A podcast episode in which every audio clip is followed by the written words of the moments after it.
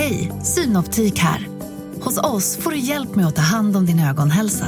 Med vår synundersökning kan vi upptäcka både synförändringar och tecken på vanliga ögonsjukdomar. Boka tid på synoptik.se.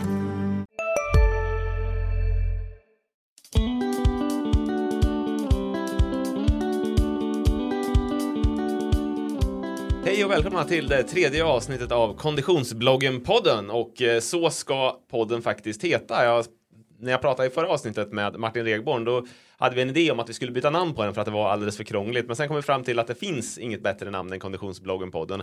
Så nu är det spikat så kommer bloggen att, eller podden att heta framöver. Eh, idag har vi med oss Erika Läck som gäst. Hon är länets snabbaste maratonlöpare genom tiderna. Hon tog SM-silver i eh, Stockholm Marathon i somras. Men Erika, min allra första fråga till dig som till alla andra. Eh, vad är det längsta som du har sprungit?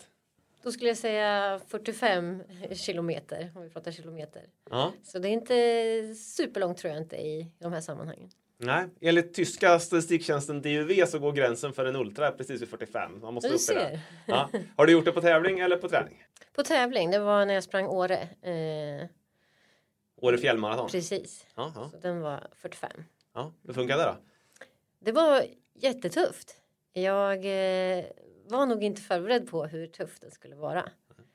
Men eh, väldigt roligt och det blir ju ett helt annat eh, en helt annan inramning och med den naturupplevelsen som det ändå är också. Mm. Dessutom blir det ju lite längre tävlingstid i och med att det är ganska tufft terräng Ja, där. Så det är ju inte, det är inte, det är ju inte bara mer än en mara. Nej, Det är ju, nej, det blir plus plus på den. Jag hade jag tror jag hade 75 000 steg eller någonting efteråt. Så det blir Mm. liksom det, ja, det är betydligt tufft, tuffare än att köra en platt. det är lite grann. Anledningen till att jag alltid börjar med den frågan det är för att jag själv är lite inne på ultra och tycker att det är spännande och försöker locka in andra där. Men du har aldrig liksom haft några funderingar på att- tävla på riktig ultra så att säga? Kliva upp och typ testa 100 kilometer eller något sånt där? Jag är absolut sugen på att köra Vasaloppet i sådana Mm. fall. Hela. Ultravasan? Ja, Ultravasan. Eh, det tror jag skulle vara superkul. Men jag behöver verkligen eh, träna för det i sådana fall. Så att man kan springa så länge. Mm, jag tror att det ha- handlar mycket om mat, alltså Mm. energiintaget. Det tror jag kommer bli min akilleshäl. Ja, det tror jag är största omställningen Ja. om man går från maraton uppåt. Ja. Att, att man måste äta på ett helt annat sätt. Precis. Ja, vi ska komma tillbaka lite till din bakgrund tänkte jag, men vi ska börja med det här fantastiska löparåret som just har avslutats, i varje fall tävlingsmässigt för din del.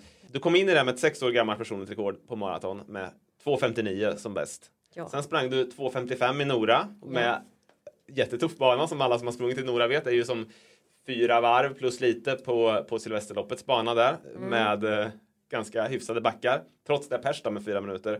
Sen två- 2.46 i Stockholm på en bana som också inte är den lättaste men betydligt lättare än Nora. Och sen nu avslutningsvis 2.39.39 i Valencia. Vad är det som har hänt det här året? ja, det kan man nästan undra. Det är 20 minuter persen då? Det är 20 minuter pers ja. Det är, ganska, det är mycket. ehm, när man tänker på det så är det väldigt mycket. Jag, jag, och jag är jätteglad för det och jätte, jättestolt på alla sätt. Eh, sen så trodde jag ju absolut att jag skulle eh, ta mina personbästa i år. Det var jag säker på. Och att jag gjorde det i- på, Ma- i Nora då i början på året. Det var mer en... Ja, jag såg det som en träning. För att jag, det var så himla länge sedan jag hade sprungit maraton precis som du sa. Det var ju så många år sedan. Så Nora när jag började så, så kände jag att ja, men jag ville bara få lite ta bort lite respekt för distansen eh, igen och, och se liksom vad och jag sprang faktiskt inte ja, att jag såg det mer som ett träningspass och det gick väldigt bra och det kändes väldigt väldigt kul och jag kände att kroppen hade mycket mycket mer att ge.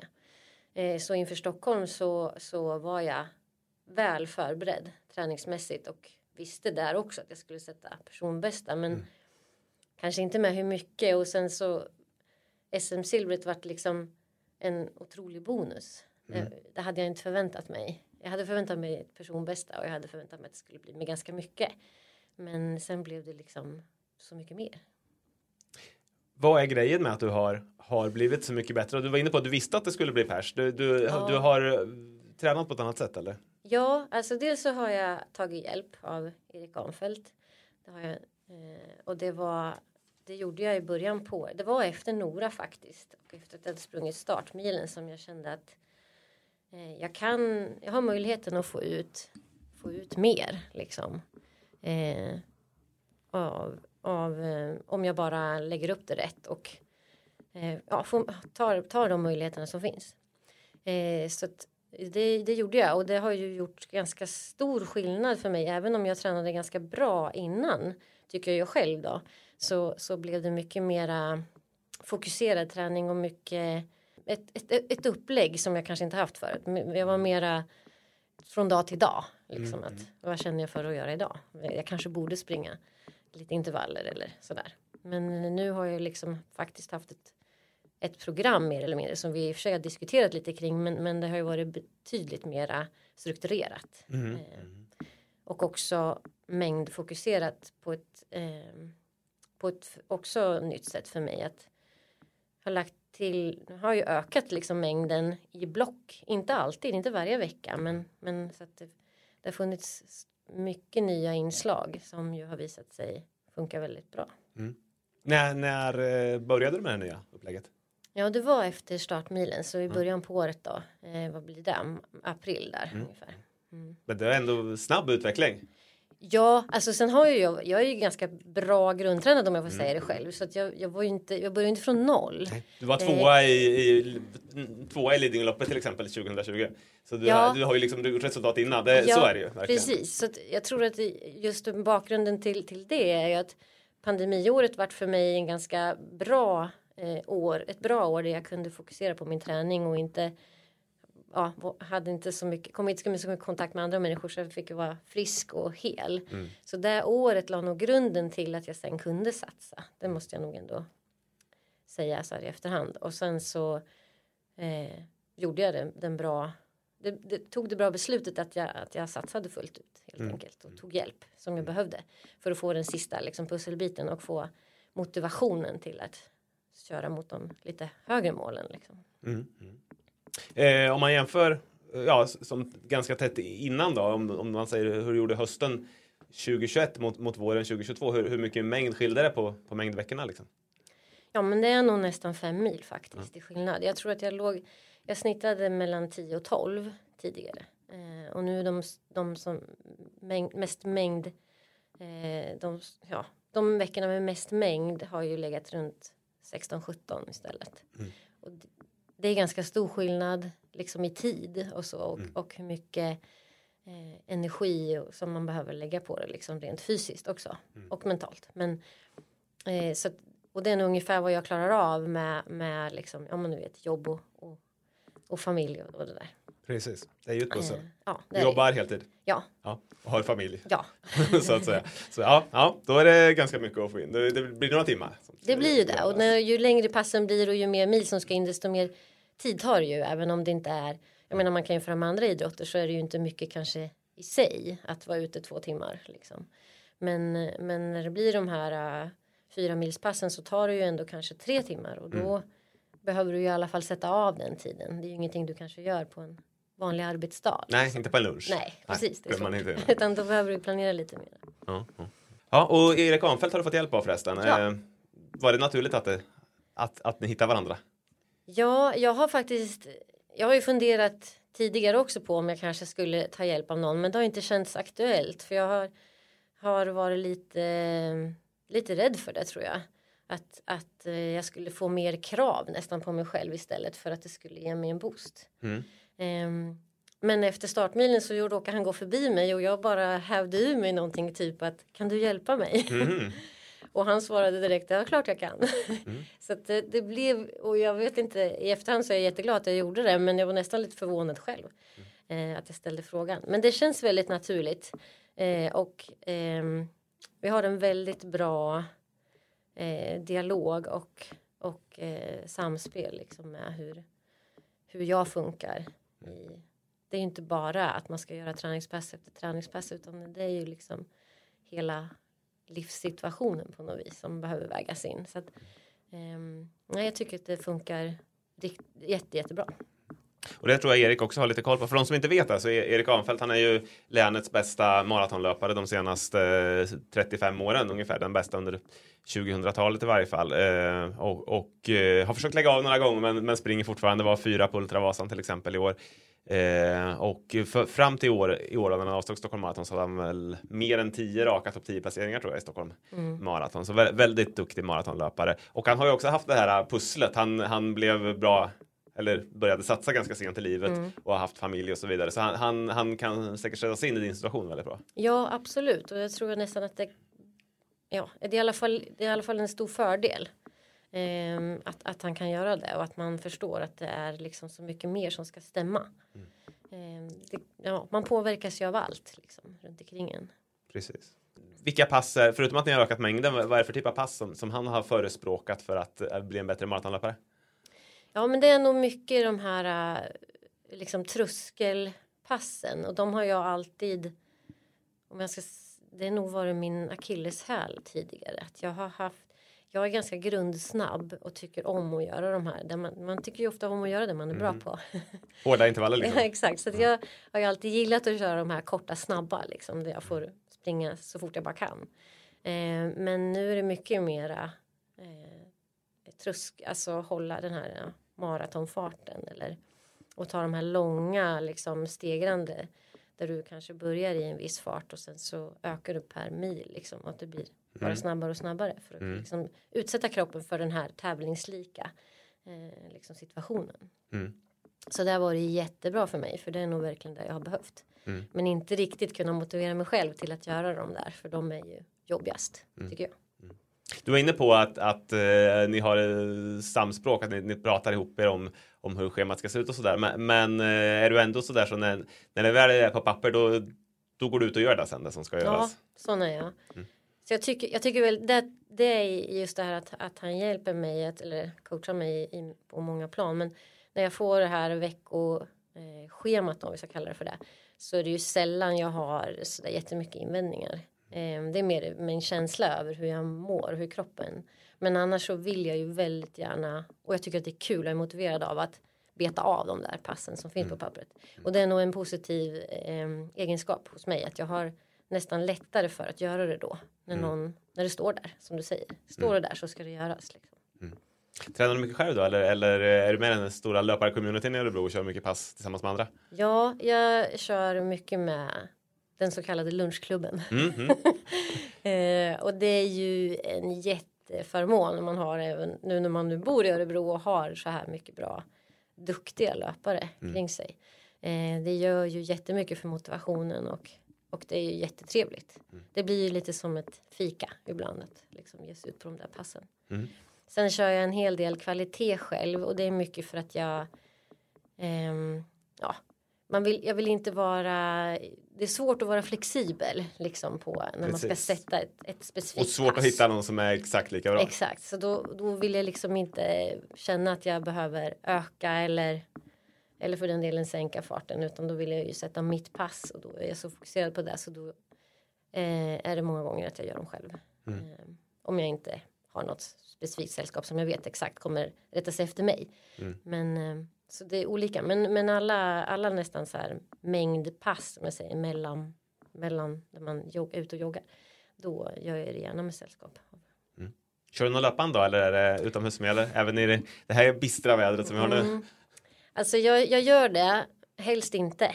Mm. Men jag gör det om jag måste. Mm. Jag skulle sätta ett pass med lite fart nu innan Valencia och då var det det här is, isgatan första, första liksom, köldssmällen mm. så. Och det gick inte. Jag, jag, gjorde faktiskt ett försök men det var helt omöjligt. Så då gick jag in och ställde mig på bandet. Men helst inte. Nej. Nej, man är så olika där. En del ja. kör all sin kvalitet ja, på band. Typ. Så är det. Så är det. Ja, ja. Jag bad dig eh, ta med ditt favoritträningspass. Det kanske är dags att passa på att ta fram det nu. Mm. När vi har pratat mycket träning. Ja, och det var så roligt när du skrev det eller när du ställde frågan för då var jag så här för ett tag sedan då hade jag lätt sagt att ja men det är typ 12 gånger 1000. Mm. Men, men idag så skulle jag säga att det är faktiskt de här. Jag hade ett pass som var riktigt utmanande innan Valencia och det var ett fyra mils pass som skulle det skulle öka farten var tionde kilometer. Mm. Um, och jag tror att det är just den där utmaningen. Jag var jättenervös inför träningspasset. Mm. uh, och sen få sätta det liksom. Så att jag skulle säga att det är nog min favorit mm. just nu. Mm. För de här långa, tuffa passen. Liksom. Men hur, vilken fart går man ut i och vilken fart slutar man i? Om man jämför liksom med sin eh, maratonfart. Ja, precis. Jag gick ju ut i, i lägre då än maratonfart så jag gick ut i ungefär eh, 4.15 första milen och sen så skulle sista milen vara maratonfart. Okej. Eh, så då var jag nere i 3.45 då. Hur kändes det då i slutet? Där? Bättre än vad jag hade trott. Det var väl därför jag, så, jag, tog, jag tog med mig verkligen det här passet och den energin för att det, det gick så pass bra. Sen är det ju inte alltid det gör det. Men den här gången gjorde det det. Och då kändes det där 3.45 farten som väldigt eh, jag ska inte säga väl, väldigt bra men det kändes överkomligt att Mm. det här skulle nog kunna gå. Det här låter ju som ett rätt eh, krävande pass som även kräver en del återhämtning efteråt. Ja. Eh, hur ofta eller när stoppar man in det här i sin träningsplanering? Ja, alltså det är ju inte ofta man kör de här. Utan det är ju några nyckelpass då innan. Men och det här var eh, tre veckor innan eh, Valencia var det. Sen hade jag några lite liknande men då kortade vi ner liksom längden. Så att fyra mil liksom med ökande fart det kör man ju inte så nära in på. Nej. Utan det ska nog vara några veckor innan. Mm. mm.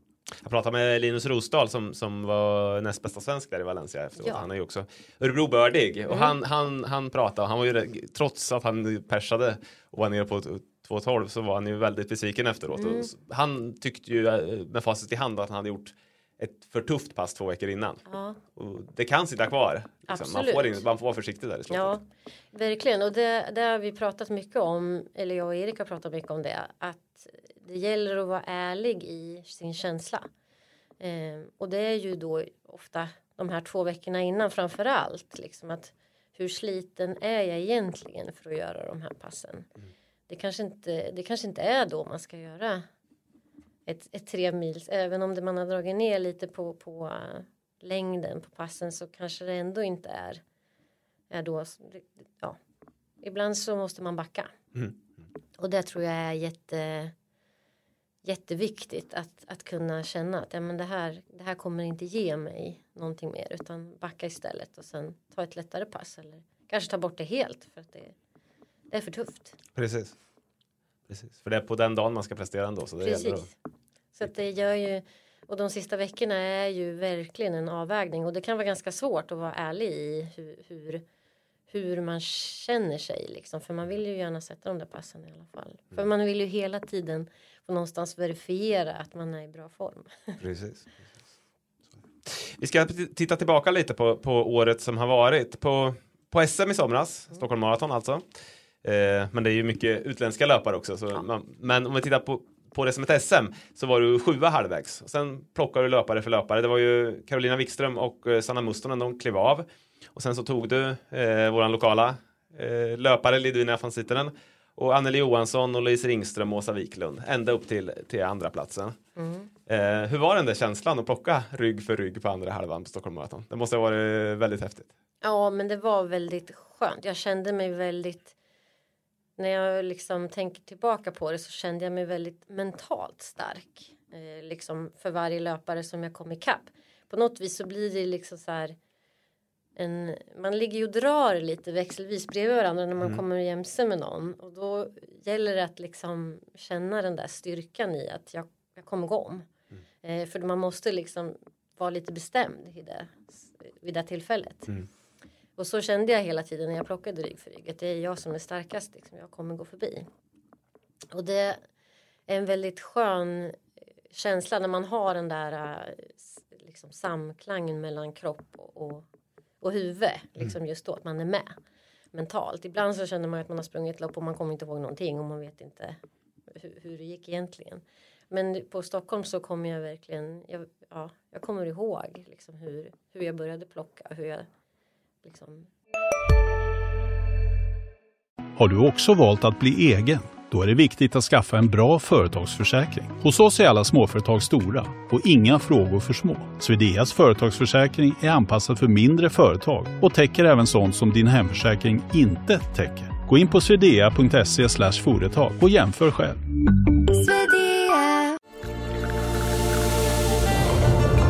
Välkommen till Maccafé på utvalda McDonalds restauranger med Baristakaffe till rimligt pris. Vad sägs om en latte eller cappuccino för bara 35 kronor? Alltid gjorda av våra utbildade baristor.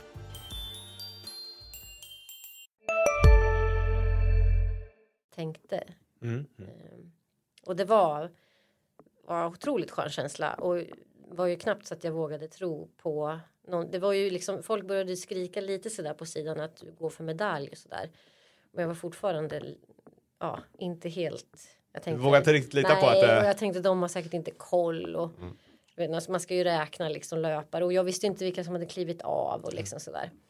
Men eh, men jag, jag förstod ju liksom ju närmare jag kom att ja, men medalj är det nog. Men frågan är ju vad det är för valör på den. Liksom. Mm, mm. Men visste du när du kom in på stadion att det var ett silver? Nej, det visste jag faktiskt inte. Mm. För att det, det var ju liksom ingen som sa någonting efter vägen så. Utan de, ja, man får ju liksom lite hejarop och sådär. Mm. Men man vet ju inte riktigt vad som stämmer och så hör man ju inte riktigt allt heller.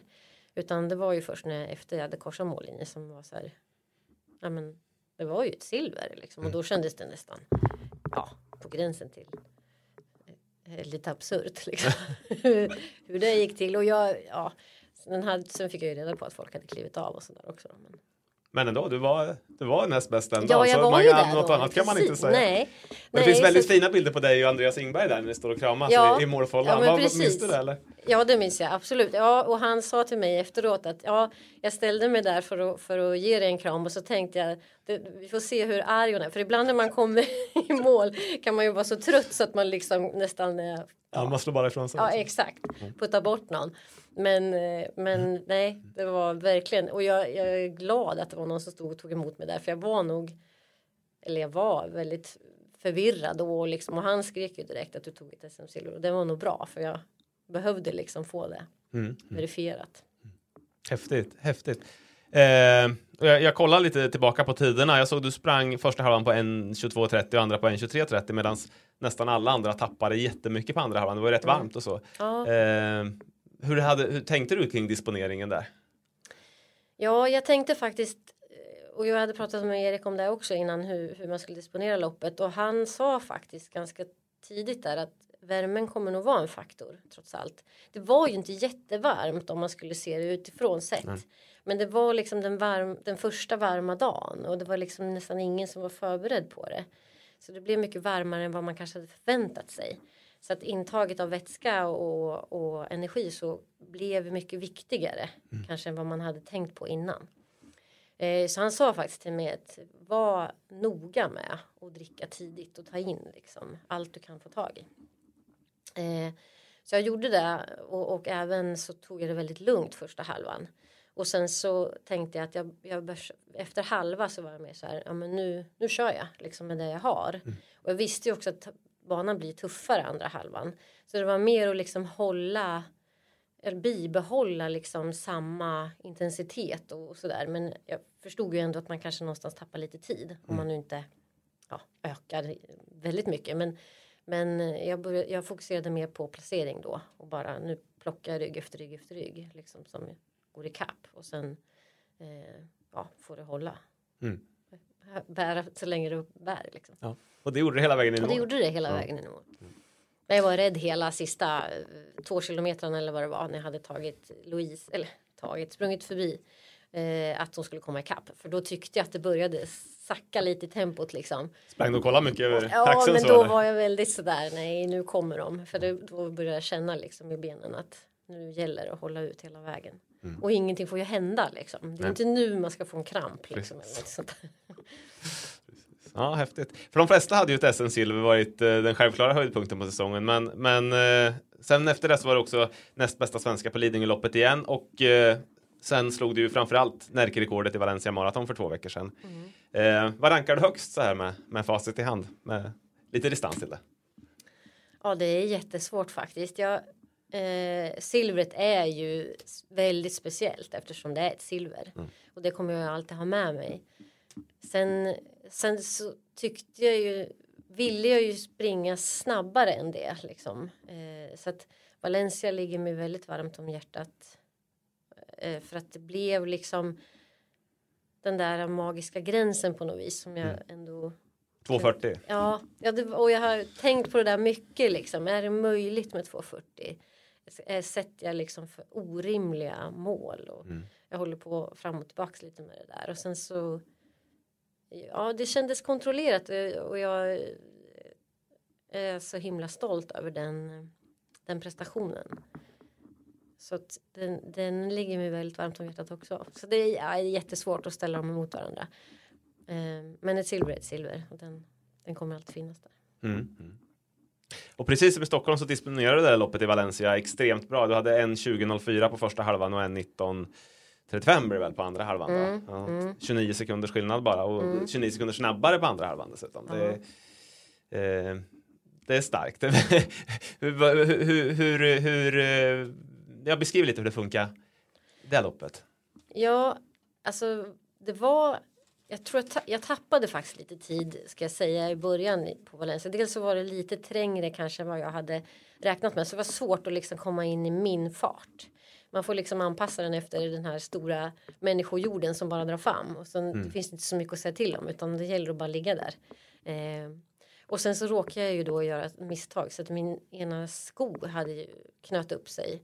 Och jag insåg att när man ligger så här tätt då, då är det inte alls bra att ha en sko som är uppknuten. Det är inte så lätt att bara böja sig nu. Nej, det gick ju liksom inte. Jag kunde inte stanna utan jag fick liksom hoppa ur eh, fältet och sen försöka göra en snabb omknytning och sen hoppa in igen.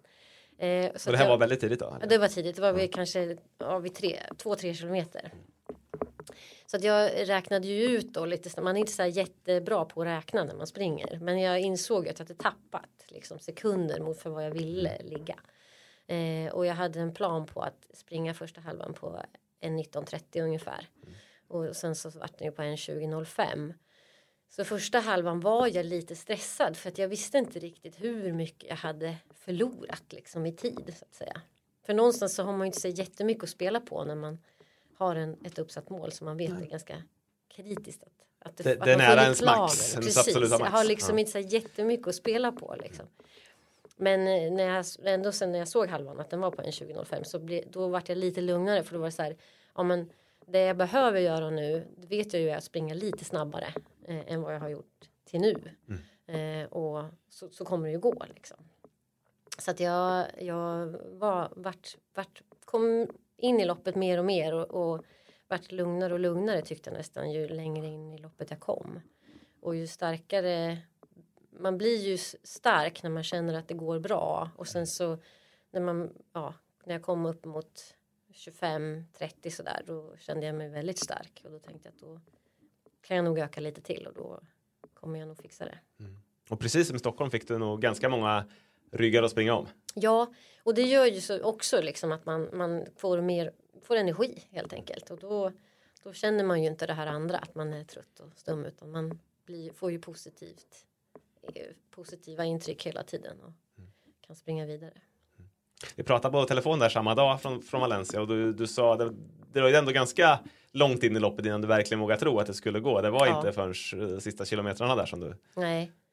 Och det är ju, nej precis och det är ju alltid det där med, med klockan. Eh, Alltså man har svårt att räkna liksom ut hur, hur man ligger till per kilometer. Sen kan man ju bara försöka se att liksom okej men den här kilometern gick på 3.44. Då det är ju i alla fall liksom på rätt sida om gränsen liksom. Mhm. Eh, så att jag, jag visste ju att jag inte hade många kilometrar som låg på fel sida om man säger så om, om den här gränsen. Men, men samtidigt så, så blir man ju ändå så här. Vad, vad, vad står klockan på när jag kommer fram? Vad var känslan då efteråt? Ja, det var. Det var. Man, ja, det här med maraton. Man blir. eh, Man hinner ju gå igenom väldigt mycket tankar under de här timmarna liksom.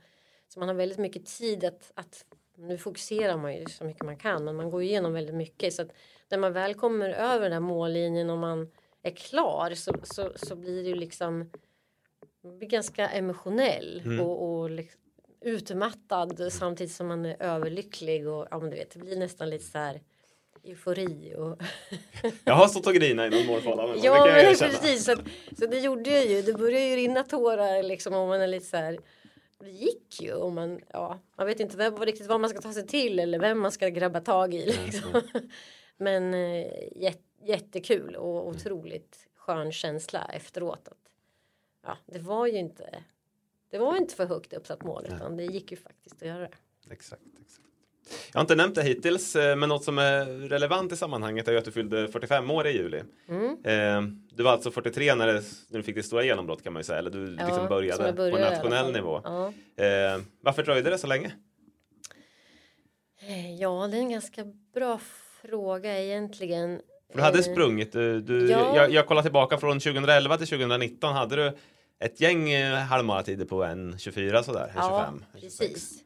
Men sen, sen plötsligt en, det slog till och med en 18 där 2020. Ja, det känns ju jättekonstigt när man, när man liksom tittar på det också. För jag tyckte ju att jag tränade ganska bra. Liksom sådär. Sen har jag väl haft lite bakslag eh, och haft lite problem med, med järnvärden och ja, men du vet så här, saker Mm. som påverkar när man springer mycket och långt. Men eh, jag tror att den där eh, pandemiåret var, det gjorde mig gott att få, få kontinuiteten liksom och, och, och kunna fokusera. Och sen så, ja, jag vet inte riktigt. Ib- Ibland, jag tror att jag har väntat väldigt länge på det här släppet faktiskt. Om jag ska vara, jag har nog tänkt att jag, jag, jag har möjligheten att göra bra tider. Men det har liksom inte riktigt stämt Nej. förrän nu. Eh, och sen är det ju jag tror ju inte att åldern i sig det är klart att det, det påverkar i vissa, vissa som på kortare distanser. Jag kommer inte kunna springa 100 meter liksom hur snabbt som helst. liksom, det går Så är det. inte. Så är det ju, det vet jag ju att det är fysiskt omöjligt. Men när det gäller de här äh, längre sträckorna och som maraton och sådär, där känner jag ändå att jag har mer kvar att ge och jag tror att jag kan bli ännu bättre liksom. Och ser också min ålder som en, som en eh, som, det finns mycket positiva faktorer med det. Jag tror att mentalt sett så, så är det inte förrän nu jag är redo. Liksom. Jag har inte kunnat hantera riktigt eh, pressen om man nu nu är det inte någon jättepress på mig så naturligtvis. Man ställer Men- press på sig men, själv Ja men precis, jag har haft svårt att förhålla mig till liksom den där egna egna pressen av att jag borde kunna bättre eller Mm. borde jag inte kunna springa så här. Och nu har jag, jag släppt det där lite med prestigen och liksom Mm. pressen på mig själv och jag tror att det har gjort- jättemycket. Hade du önskat att, att något av det här hade hänt tidigare så att säga eller, eller känner du att det, det är rätt tid nu?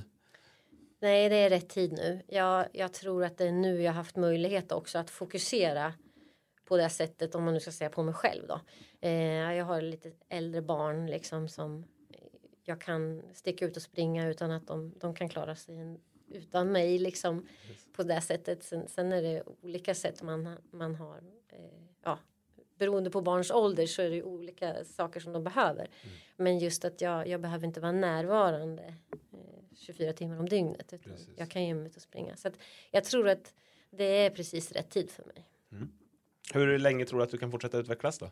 Det, det är ju lite olika, det är ju naturligtvis det är ju individuellt från person till Ja, person men det är också det är ju. lite olika män och kvinnor brukar man se att Ja. kvinnor har ett lite längre spann. Ja, där de, där de, Absolut. Nej, men jag väljer att se det positivt och jag väljer att titta på Evi Palm och, och de som hon lyckades ändå sätta riktigt bra tider eh, som 52-åring så att jag tänker att ja men har jag sju år kvar då är det perfekt. Precis, ja Evi Palm är den bästa förebilden Ja, i det avseendet. jag bara hon, hon hade väl knappt börjat springa när hon var i din Nej, ålder. exakt. Mm, så att hon satt sina bästa tider runt 47 eller något sånt där. Så Mm, mm. Ja, men då har du några fina år ja, framför dig. eller hur? Närmaste året då? Det känns som att det har varit en ganska uttalad maratonsatsning i år. Är det den distansen som, som du prioriterar även framåt eller? Ja men det är det. Eh, Alltså det är där jag har mest att vinna skulle jag säga. Eh, dels för att eh, jag inte har kört så mycket maratonlopp egentligen. Och sen så, ja med tanke på, på min ålder och fy- fysik också så, så är det där jag har mest outforskat liksom och kan, kan fortsätta bli bättre. Om det Eh, inte blir Ultravasan då? Ja, precis. Precis. Mm. Och, vi, och det, det måste jag ju också göra. Men då får jag väl ta det lite, lite längre fram. Mm. Men har du, några, har du redan anmält dig till något maraton nästa år eller hur ser det ut? Nej, det har jag inte. Utan nu har jag ju tagit säsongsvila precis då och eh, har eh, gett mig tillåtelse att, att vänta lite med nästa års mål. Eh, bara Men SM blir det i varje fall misstänker jag. Ja, absolut. Det, det blir det ju.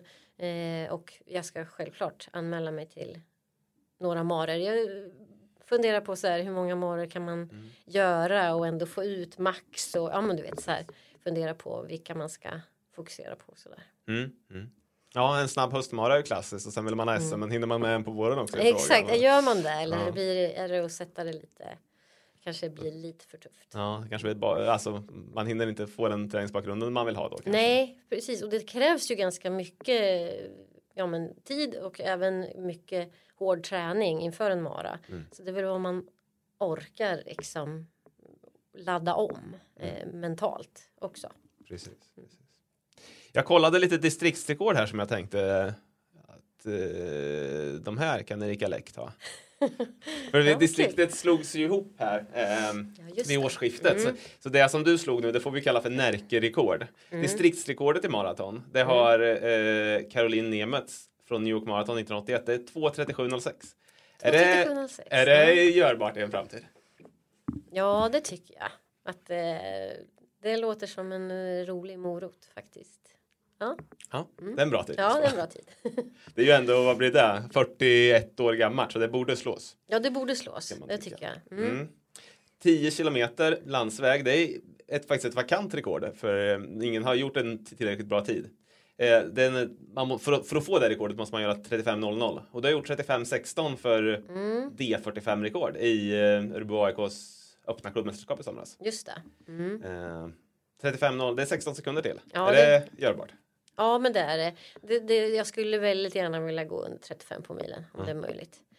Den, den, är nog, alltså kapa på milen är ju tufft. Mm. Eh, just för att du, där är du ju på kräksnivå redan nästan för efter första kilometern. Precis, ja. det är ju 3.30 tempo ja, från start. Och det är väl någonstans där jag liksom, ja. Men det, jag skulle väldigt gärna vilja göra under 35 på landsväg.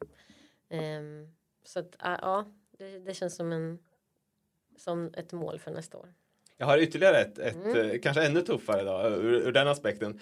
Eh, även på 5 km landsväg så är det vakant. Där är gränsen 17.00 för att man ska få rekordet. Och du har gjort 17.18 på Fosterhuset i höst. Ja.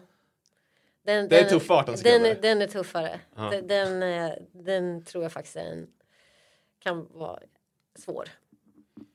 Och så tog jag fram sista eh, 100 kilometer. Ultradistansen. Ja, ja, Vet du vad rekordet är? Nej. Nej, det är faktiskt, det är ju inget, det är ingen supertid i förhållande. Det är 8, 18, 45. Det är alltså, då ska man hålla 4,59 per kilometer. Eh, ja. Men det är 10 mil. Ja, ja precis. Det är 10 mil. Ja, herregud. Det, det, det, får, det dröjer. det är efter att du har gjort succé i Ultravasan ja, och, fått, och fått blodad tand. Ja, exakt. Ja, men eh, några distriktsrekord där. Nå, några, något kommer ju 35, 35 minuter blankt där. Det, det, kommer ju ryka redan till, till sommaren känner jag. Sen får vi se med maraton hur, hur lång tid det tar. Ja, men exakt. Jag ska, jag ska göra mitt bästa för, med båda faktiskt. Ja, det låter bra. Vi ska släppa iväg dig, men jag brukar alltid avsluta med att fråga vad ska du träna idag? Men jag misstänker att du inte tränar så mycket just nu efter Valencia. Nej, jag har ju faktiskt. Jag drog ju på mig ett virus där eh, på vägen hem lite lägligt kanske man kan tycka. Eh, så jag har tagit det lugnt den här veckan och jag kommer faktiskt hålla mig lugn idag också. Kanske att jag joggar lite imorgon. Mm. Men då blir det bara en distansjogg. Det blir en riktig jogg då? En riktig jogg. All right. Vi tackar så mycket för att ni har lyssnat och vi tackar Erika Läck som var dagens gäst i Konditionsbloggen-podden. Vi är tillbaka nästa vecka. Tack och hej. Tack så mycket.